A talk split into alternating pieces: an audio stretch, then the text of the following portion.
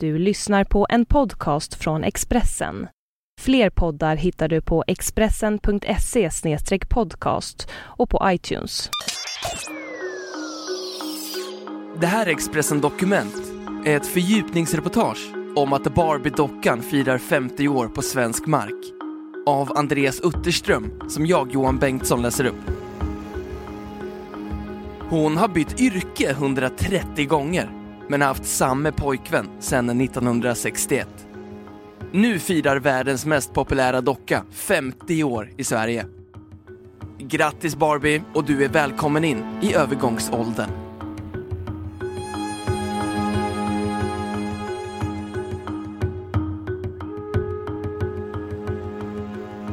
På alla hjärtans dag 2004 kom nyheten som chockade världen.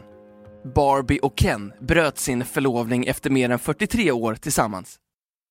USAs mest populära tv-kanal, Fox News, affärstidningen Bloomberg Business Week och creddiga New York Times rapporterade alla om dockornas uppbrott. Spekulationerna var i full gång. Hade paret, som det brukar heta, växt isär? Lämnade Barbie Ken för den australiensiske hunken Blaine? Eller var Ken gay? Nej, de behövde nog bara lite tid för sig själva. För sju år senare, 2011, återförenades ett av världens mest kända kärlekspar. Givetvis på alla hjärtans dag. Förhållandet håller i sig än idag, även om Barbie och Ken förefaller ha svårt att skaffa barn. De har desto lättare att hålla sig unga. Inte en rynka, cellulit eller bilring sedan 1959. Det var nämligen då amerikanska Ruth Handler skapade Barbie. Redan 14 år tidigare hade hon och maken Elliot grundat företaget Mattel Creations, som bland annat sålde dockhusmöbler. Idén till Barbie fick Ruth Handler en dag när hon såg dottern Barbara och hennes kompisar leka med sina klippdockor. Ibland var dockorna tonåringar, ibland vuxna. För mamma Ruth blev det uppenbart att tjejerna använde leken för att experimentera med olika roller och situationer. Hon insåg att det fanns en lucka på marknaden för en ny sorts docka. Dessutom förstod Ruth Handler värdet av att satsa på snygga och moderiktiga kläder. Att utveckla dockan tog några år. Men 1959 åkte hon runt i USA och visade Barbie för leksakshandlare i landet. De var skeptiska Bebisdockor i verklig storlek fanns sedan länge på marknaden. Men skulle någon vilja leka med en betydligt mindre variant som föreställde en tjej som verkade vara i tonåren? Svaret kom snabbt. Redan det första året såldes Barbie-dockan i 300 000 exemplar. Här i Sverige dök Barbie för första gången upp i julhandeln 1963 då handlade det bara om en docka i baddräkt och lite extra kläder som kunde köpas separat som tillbehör. Idag, 50 år senare, är Barbie en hel industri. Och en mycket lukrativ sådan. Hon har tre systrar, Skipper, Stacy och Chelsea.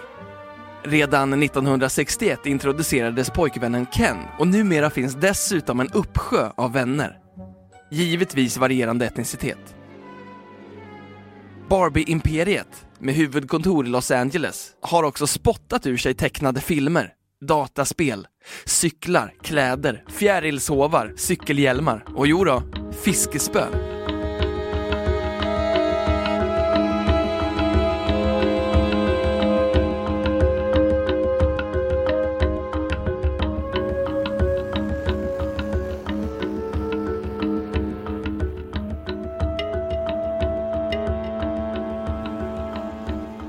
Genom åren har många unga tjejer blivit besatta av Barbie. Men detsamma gäller också en del vuxna kvinnor. Anna-Lena Jönis från Stora Skedvi i Dalarna fick sin första docka i mitten på 60-talet. Hon lekte med den i många år, men sen hamnade den i en låda någonstans. Många år senare, på 90-talet, fick Anna-Lena Jönis ett infall. Hon gick in i en butik och köpte en Barbie-docka av samma typ som hon hade haft som liten. Jag hade köpt en serietidning till min pappa och tänkte att om han kan vara barnslig, så kan jag också. Sen var det kört, säger hon. Sen dess har hon samlat på Barbie-dockor. Hur många som finns hemma i villan vill Anna-Lena Jönes inte tänka på. Men det är flera hundra, säger hon. Hon använder dem som prydnader, men numera ligger de flesta nerpackade i lådor. Det händer dock att större delen av kollektionen kommer fram. När de ska visas upp för allmänheten, till exempel. För Anna-Lena Jönis handlar samlandet om jakten på nya dockor. Hon är dessutom förtjust i kläderna som ofta har tillverkats med stor finess och är av gedigen kvalitet. Men även Anna-Lena Jönis intresse har gränser. För ett tag sedan fanns en etta till försäljning på Tradera, alltså ett exemplar från den första kollektionen 1959 som inte ens såldes i Sverige. Jag tror att den till slut gick för 27 000 kronor. Själv har jag väl betalat någon tusenlapp som mest, säger hon. Barbie har inte bara skapat glädje. Den iranska staten anser att den amerikanska dockan är farlig eftersom hon, citat, är en manifestation av västerländsk kultur, slutcitat. Som moteld lanserades de inhemska dockorna Dara och Sarah, men det blev ingen succé. De iranska flickorna ville ha sina Barbie-dockor. De säljs därför fortfarande, men under disk. Så sent som förra året tvingades några iranska leksaksbutiker stänga sedan myndigheterna upptäckt att de bröt mot förbudet. Även i västvärlden har Barbie-dockan skapat rabalder. Långt blont hår, stora ögon, smal midja och fylliga bröst har fått kritikerna att anklaga moderföretaget Mattel för att sprida skadliga skönhetsideal. En forskare räknade ut att bara en kvinna på 100 000 har samma kroppsform som Barbie-dockan. Hur flickor påverkas är omstritt. Vissa hävdar att det är omöjligt för en ung tjej att inte påverkas av Barbies timglasformade kropp. Andra påpekar att kroppsfixering förefaller ha funnits i alla kulturer och i alla tider och att en docka inte kan lastas för att unga tjejer svälter sig. Jag tycker inte att vi sprider skadliga skönhetsideal, men vi tar gärna diskussionen. Vi tycker det är bra att folk inte är likgiltiga inför vårt varumärke, utan att det tvärtom väcker känslor. Det vi vill förmedla till våra kunder är att det är okej okay att ha en dröm och en känsla av att, citat, om Barbie kan lyckas så kan du också. Slutcitat. Säger Martin Wingren Bang, marknadschef för Mätel i Norden. Frågan är hur lyckosam Barbie har varit i arbetslivet. Hon verkar inte ha varit helt enkel att samarbeta med. Genom åren har Barbie nämligen bytt jobb drygt 130 gånger. Du har hört Expressen Dokument, ett fördjupningsreportage om att Barbie-dockan firar 50 år på svensk mark av Andreas Utterström som jag, Johan Bengtsson, har läst upp.